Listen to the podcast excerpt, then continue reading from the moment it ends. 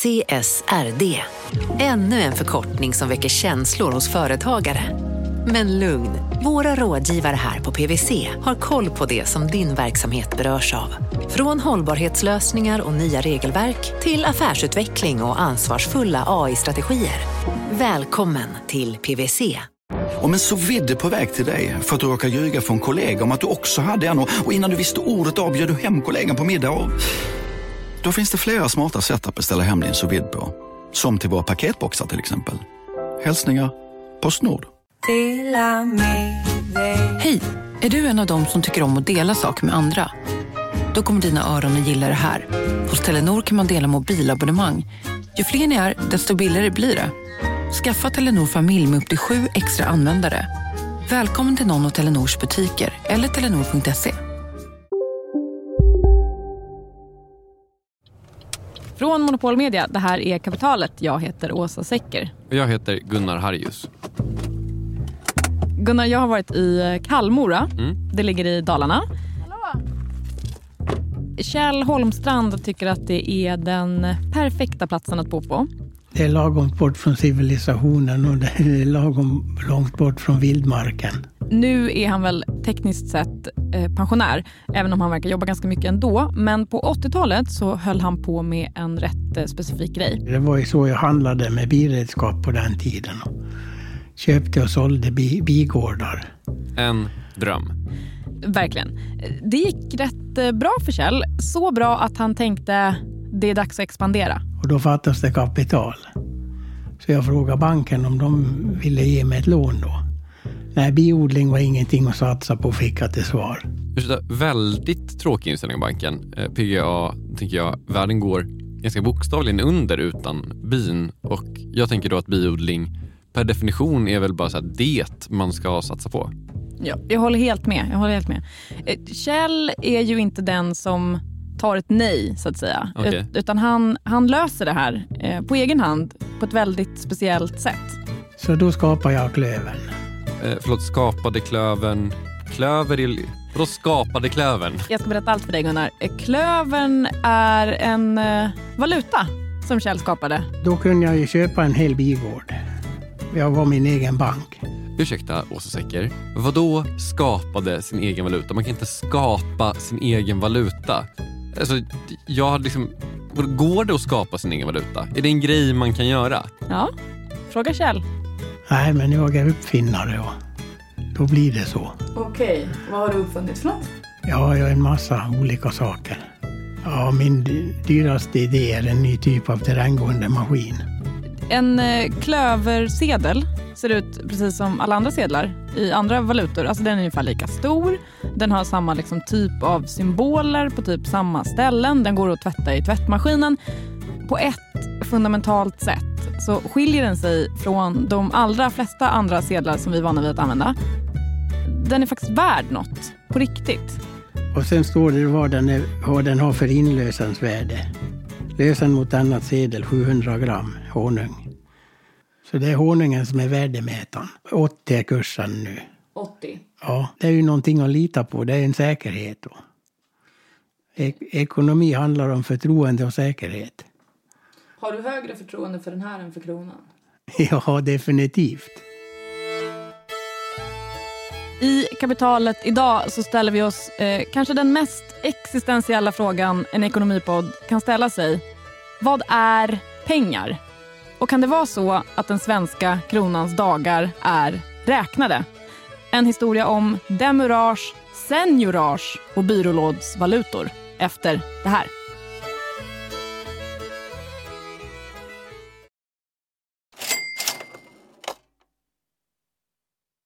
Vi sponsras av Storbrand Asset Management som ju förvaltar över 1000 miljarder norska kronor, bland annat för SPPs eh, många pensionssparare. För två år sedan så investerade Storbrand i drygt 60 tåg, alltså tågvagnar, eh, som rullar mellan London och Skottland. De leasar sedan de här tågvagnarna till tågoperatören som alltså kör tågen och säljer biljetter och sånt eh, med ett avtal på 27 år. Så britterna får nya fina tåg och storbrandskunder, eh, däribland alltså SPPs pensionssparare, får en inflationsskyddad avkastning med låga risker under lång tid. Det här är ett av supermånga exempel på hur pensionskapitalet i växande omfattning bidrar till att bygga samhället och inte minst till att klara klimatmålen.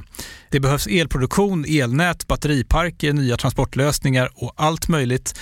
Bara i Europa antas investeringsbehovet för att klara klimatmålen uppgå till tusentals miljarder dollar.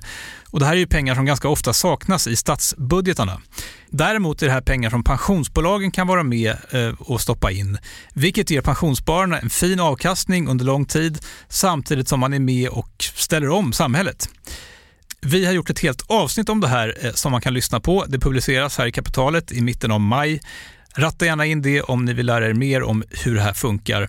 Men tack säger vi till Storbrand Asset Management som ju investerar i alla tänkbara tillgångslag, bland annat för pensionsbolaget SPP. Och tillsammans försöker ju vi, Storbrand och SPP, öka medvetenheten om hur pensionerna funkar och vilken roll pensionerna spelar i samhället och i ekonomin.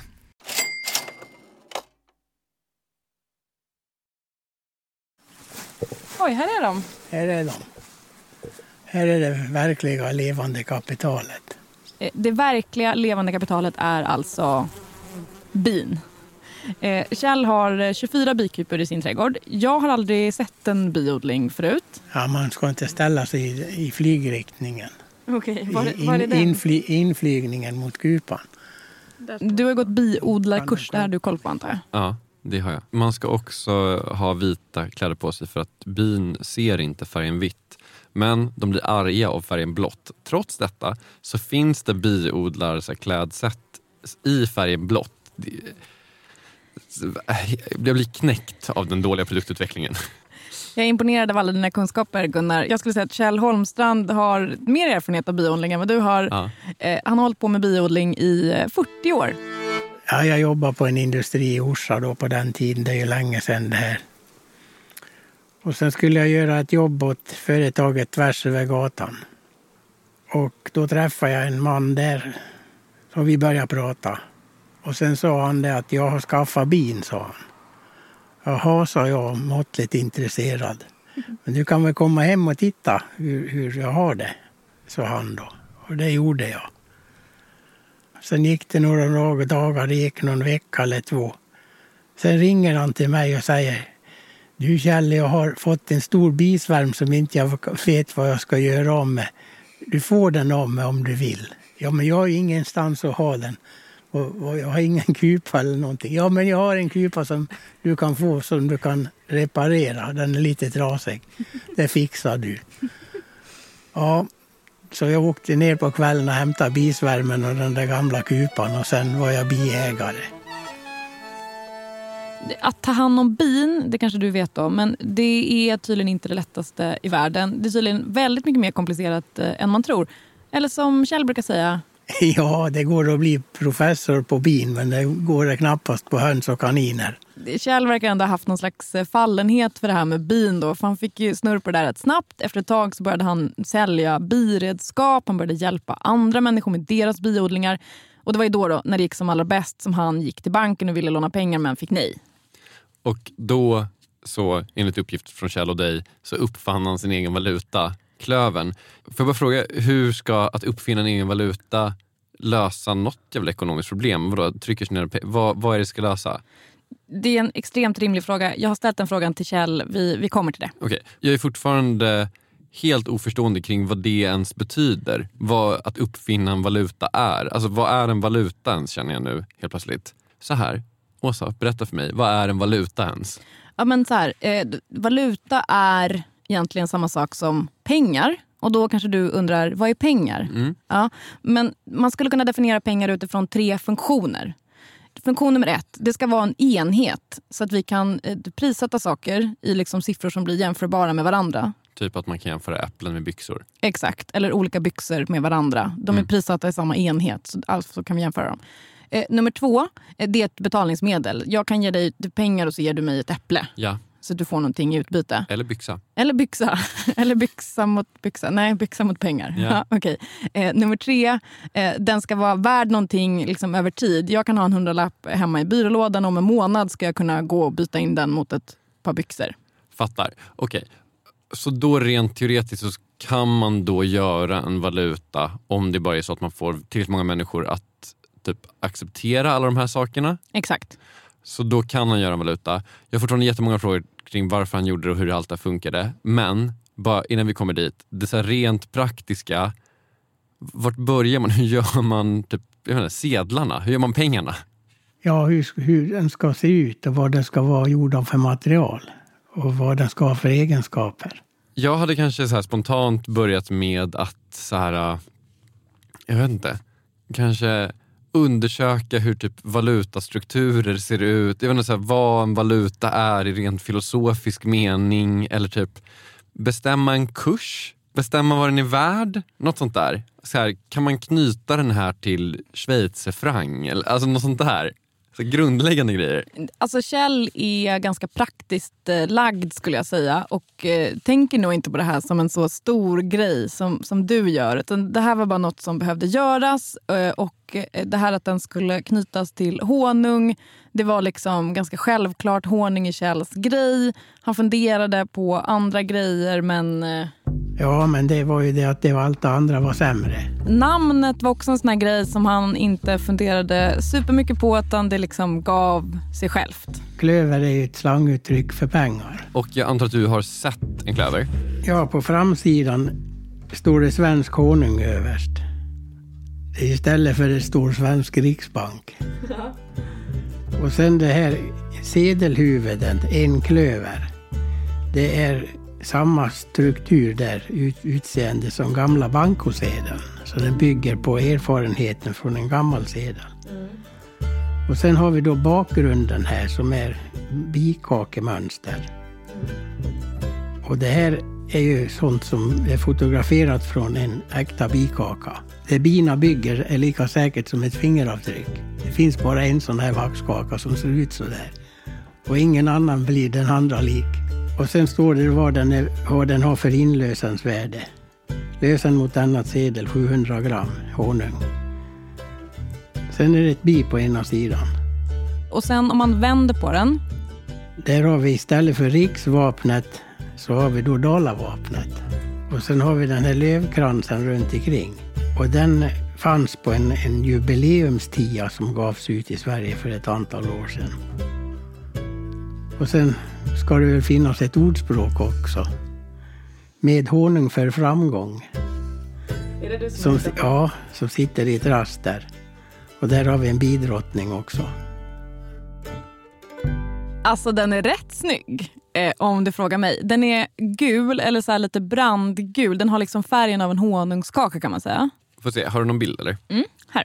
Den är, den är ganska fin. Den är liksom lite mer avlång, det är lite blå text. Eh, det är hans egen signatur på, vilket är kul. Vad är den för material? Alltså han hade tänkt att han skulle trycka upp dem på så vanligt sedelpapper. Eller sedlar gjorda av bomull va, på något sätt. tror jag. Det- Men det krävdes tydligen jättestora volymer. Av eh, bomull eller sedlar? eh, av det här sedelpappret. För att man överhuvudtaget skulle få använda det så var man tvungen Ja. att beställa typ jätte- jättemycket. Så det fick bli ett syntetiskt eh, fiber istället. Kan man riva sönder syntetiskt fiber? Ja, det är svårt. Det är svårt. Man får ta i då. Och så går det nog att tvätta såklart. Det ska ju vara pålitligt. Det får inte bara försvinna om det råkar hamna i tvätten. Okej, så han designar den här sedeln, han trycker upp den. Hur många trycker han upp? Ja, det är lite över 2000, 2 500 ungefär. Och vad gör man sen? Alltså då har han då 2500 klöver. Vad gör man? Jo, då kunde jag ju köpa en hel bigård. Jag var min egen bank. Det var alltså en biodlare i krokarna där runt Kallmora som skulle lägga ner och sälja sin bigård. Och då betalade Kjell honom...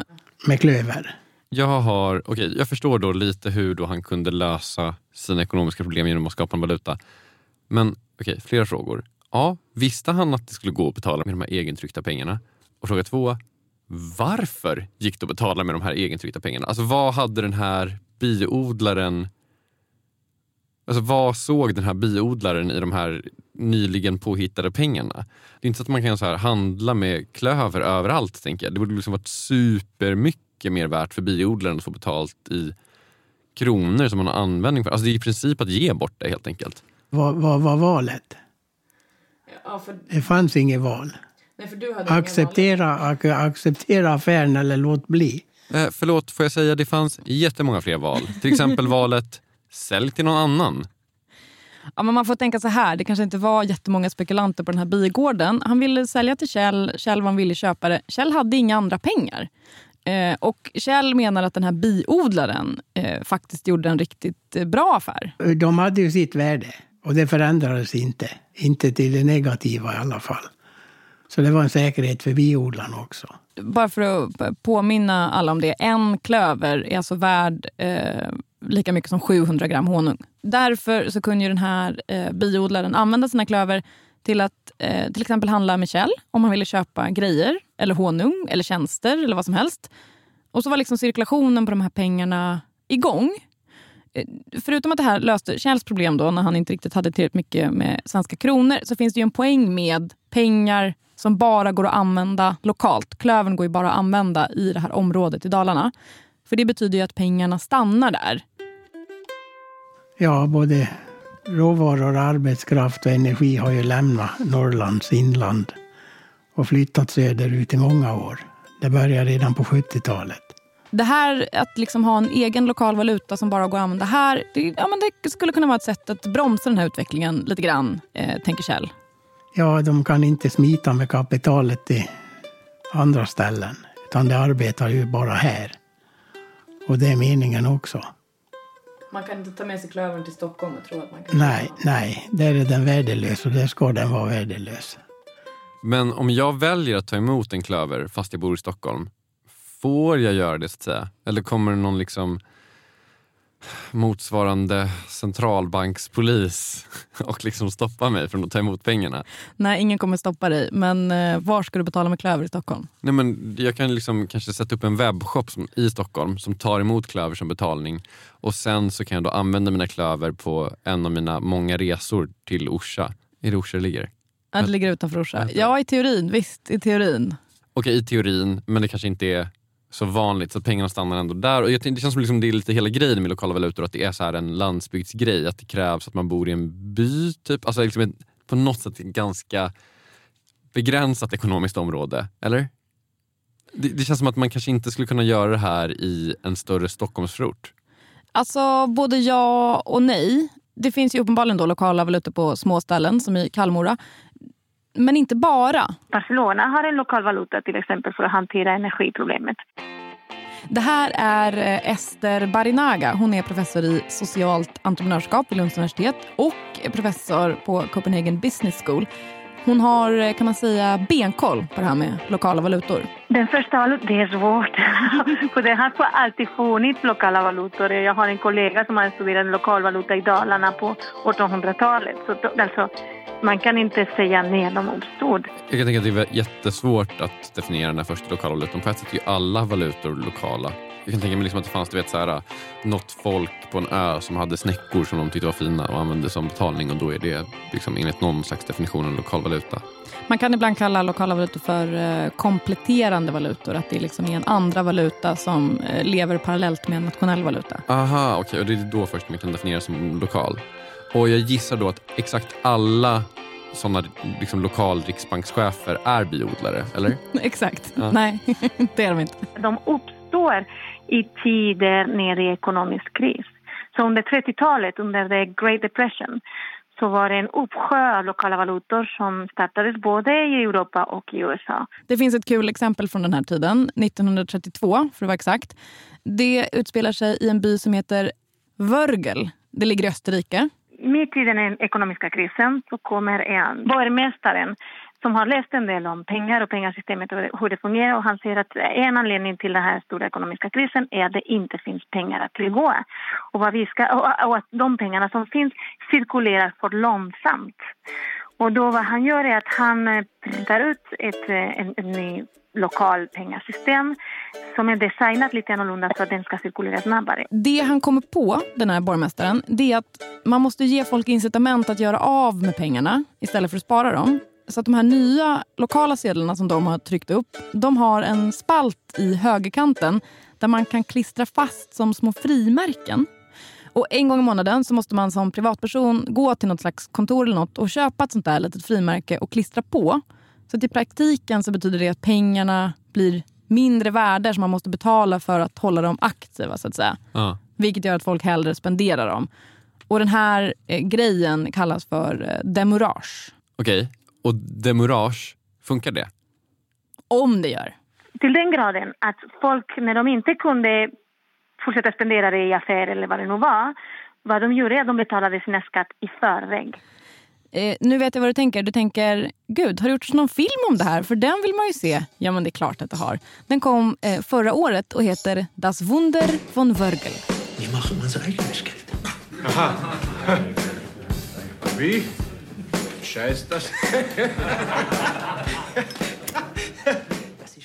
Utan att kunna ett enda ord tyska så tolkar jag ändå det här klippet som att den här borgmästaren, som för övrigt heter Mikael Unterguggenberger, bara det gör att det är värt att berätta den här historien, föreslår att de ska göra sina egna pengar, vilket de alltså gjorde. Kul historia ändå. Verkligen kul historia. Vad hände med Wörgl? Man kan säga att det gick lite för bra. Och då kom den nationella österrikiska banken och stängde ner det här för, det, för de insåg att det var att de kunde tappa kontrollen över sin monetära system. Okej, vi släpper eh, Virgil. Det som jag tycker ändå är mest intressant med de här lokala valutorna det är ju alltså hur de står sig mot de nationella valutorna. De är ju någon slags alternativ kompletterande valuta. Alltså om det är som Kjell menar att hans klöver är pålitligare än kronan. Jag gissar på ja. Vad säger Ester? Ja, det argumentet är samma argument som man använde tidigare, alltså förr i tiden för att koppla de nationella pengar till just hur mycket guld landet hade i sina... Ja, det, det är samma fråga. Och den synen på pengar har man sett att det är begränsande för hur pengasystemet fungerar. Och just därför, för att då kopplar man pengar till något som inte nödvändigtvis säger något om den produktiva kapaciteten för det här community. Så svaret enligt Ester är nej. Mm. Men Ester Baranaga fattar ändå hur Kjell tänker. Att han vill att det man använder för att liksom växla värden också ska ha ett värde. Men man glömmer då att det här är bara ett verktyg för att växla värde. Men pengarna i sig ska inte ha ett värde. en som utbytesmedlem. Men Ester är ändå lite så typ halvpositiv till det här med lokala valutor. Va, vad är det hon tycker är dåligt med dem? Ja, men när jag frågade henne det såklart. Då tog hon upp eh, två saker. Det stora problemet just nu, som jag ser det, är att oftast lanseras de här äh, valutor av eldsjälar. Och då lever valutorna, alltså de, de föds och dör med eldsjälen. Det andra är att vi vet väldigt lite, vi har en allmän väldigt lite kunskap om pengar. Det är i kontakten med de här lokala valutor som de för första gången ställer sig frågan, jaha, men vad är pengar egentligen och var kommer, var kommer pengar ifrån och vem skapar dem och varför är det så att, jag, att några har mer än andra? Och, alltså grundläggande frågor som annars man inte ställer sig för att man tar det för givet pengar. Jag tycker att man lite så får känslan av de här baksidorna. Ungefär som när man så här, säger på en arbetsintervju att man tar för mycket ansvar när man ska säga någonting dåligt om sig själv. Ja. Alltså det är saker som egentligen kanske inte är så här jättedåliga. Ja, det är ingen som går därifrån och tror något annat än att Ester Baranaga är för lokala valutor, eller? Exakt. Det, det finns en annan person som inte är lika positiv till det här med lokala valutor. Han heter Harry Flam och är professor emeritus vid Stockholms universitet på Institutet för internationell ekonomi. Han är också ordförande i Finanspolitiska rådet. Sluta skryt Harry. Harry är inte alls lika övertygad som Kjell om att klövern är bättre än kronan. Det här vi liksom har en valuta vars värde bara är baserat på eh, förtroende. Det tycker han inte är något konstigt överhuvudtaget. Eh, ja, det har visat sig fungera i eh, över hundra år eh, och mer i olika länder. Så att det, det fungerar bevisligen. Harry vänder sig till historien, tänker att så som det har varit kommer det alltid att vara. Det är ju ett argument. Absolut.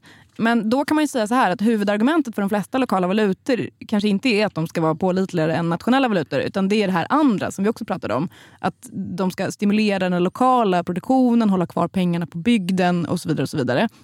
Men det var Harry inte heller helt övertygad om att de faktiskt åstadkommer.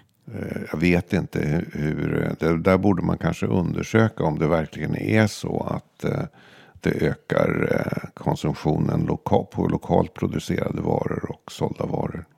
Folk kommer att vilja och vill använda de här valutor lokalt för att kunna använda valutor överhuvudtaget.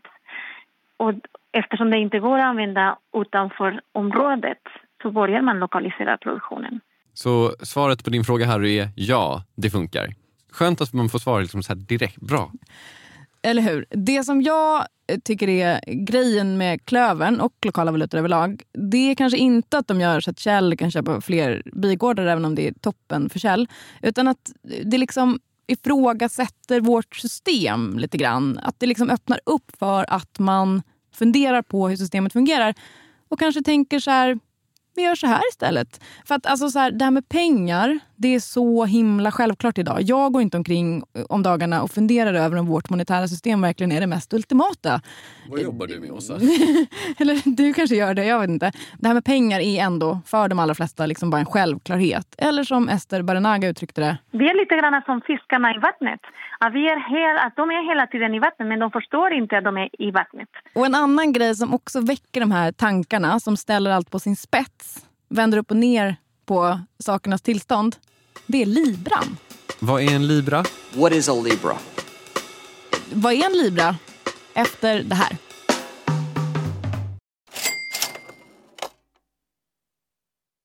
Kapitalet sponsras av Master Exchange, plattformen där du som privatperson kan investera i låtar och får pengar varje gång de här låtarna spelas.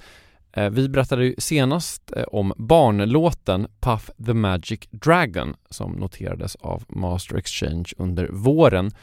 Nu har utdelningen på den låten kommit, eller royaltyn som vi säger i musikbranschen. Eh, den ligger på drygt 12% i årstakt och det här är ju en avkastning som är helt okorrelerad till börsen. Till och med Goldman Sachs har börjat skriva om just musik som investering just ur det här perspektivet. Nu finns en möjlighet att investera i en ny låt. Eh, låten heter Boss Bitch och den är av Doja Cat eh, som, eh, alltså jag ska inte säga att jag är superdeep här men eh, det är ändå en, en, person som jag vet om det är. En, en världskändis. Den här låten gav baserad på förra årets spelningar en avkastning på drygt 13% Master Exchange har just nu en väntelista på registreringar. Det, det går lite för bra för dem kan man säga. Men Skriver ni in kapitalet som promo code så kan ni runda kön och ansöka om andelar i låten Boss Bitch ändå. Om ni investerar helt vanliga pengar, det är inget krypto eller sånt där, så vill du investera i musik och få en avkastning som är helt okorrelerad med börsen och kanske inte minst för att det är kul att äga låtar eh, så kan man gå in på masterexchange.com och använda kapitalet som promo code så går man alltså förbi kön. Kom ihåg dock att alla investeringar är förenade med risk, men vi säger stort, stort tack till Master Exchange. Kapitalet sponsras av Karla, Jakob. Ja, bilar igen. Ja, det är eh, härligt. På Karla kan man sälja sin elbil eh, på det gissningsvis smidigaste sättet i Sverige. Eh, Karla har ju ett nästan ett komiskt högt användarbetyg på Trustpilot. Mm. 4,8 av 5, vilket jag typ aldrig hört talas om. Nej, det är väldigt, väldigt högt. Eh, man knappar in lite info om bilen på sidan, sen får man en gratis värdering och ett bud.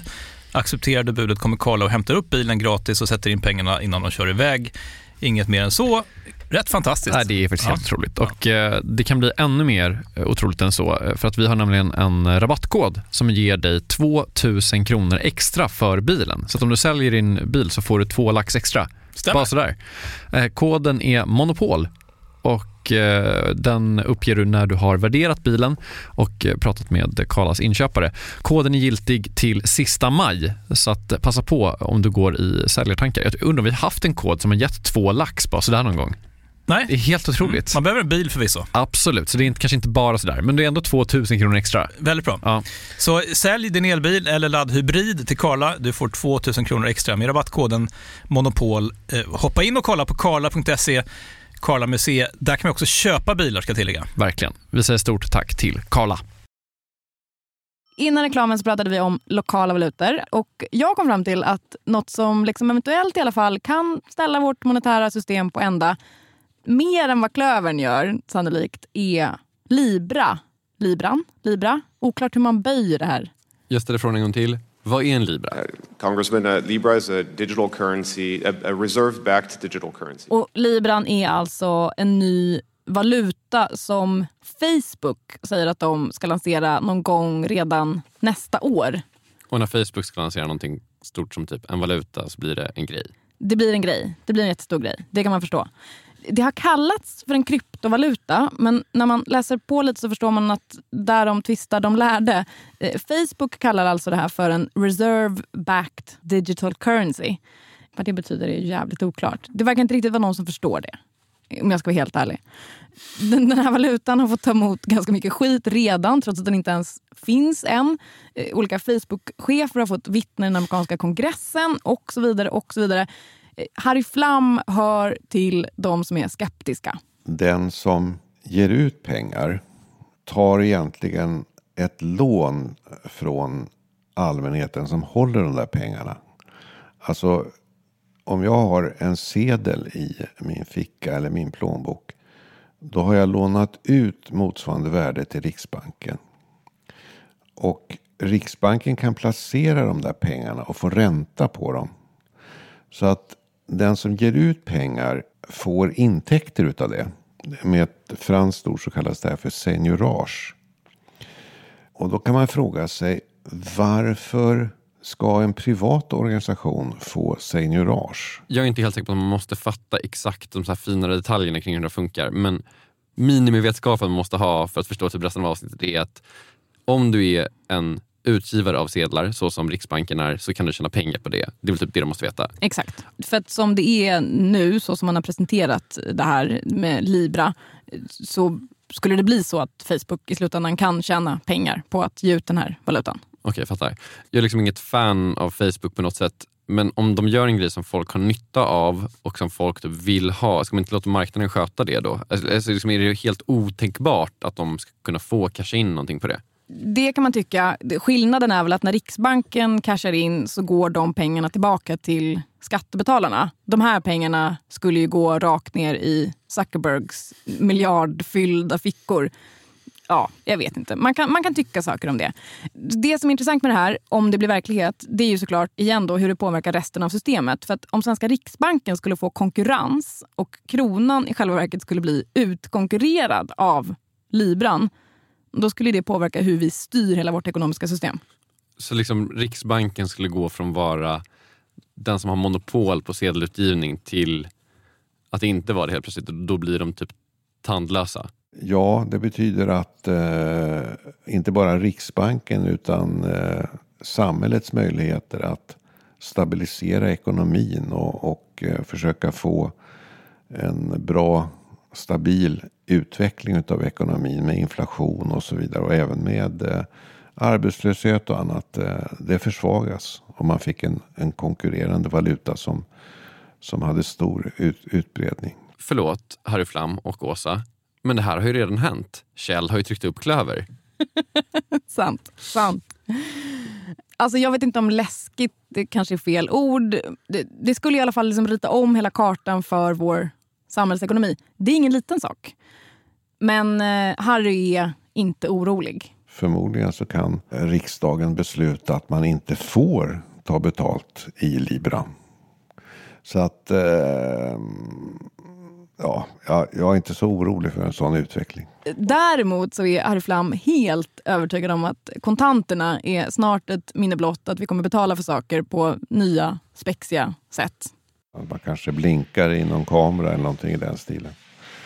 Nu händer det någonting. Säkert. Eh, men alltså det här med Libra, jag skulle inte vara lika säker. Alltså Mark Zuckerberg har ändå någon slags förmåga att, vad ska man säga, få det som han vill till slut. Men, tänker jag, någon som måste bli skogstokig bara av tanken på att vi ska gå från kontanter till en Zuckerberg-valuta. Det är ju en person som redan har föregått Zuckerberg med det här med en egen valuta, det vill säga Shell. Han måste väl liksom tänka att det här är hans absoluta mardrömsscenario? Absolut, det är det. Kjell älskar kontanter. Eh, alltså ett kontantlöst samhälle som ändå inte är så långt bort, det kanske är mindre långt bort än att libran skulle konkurrera ut kronan.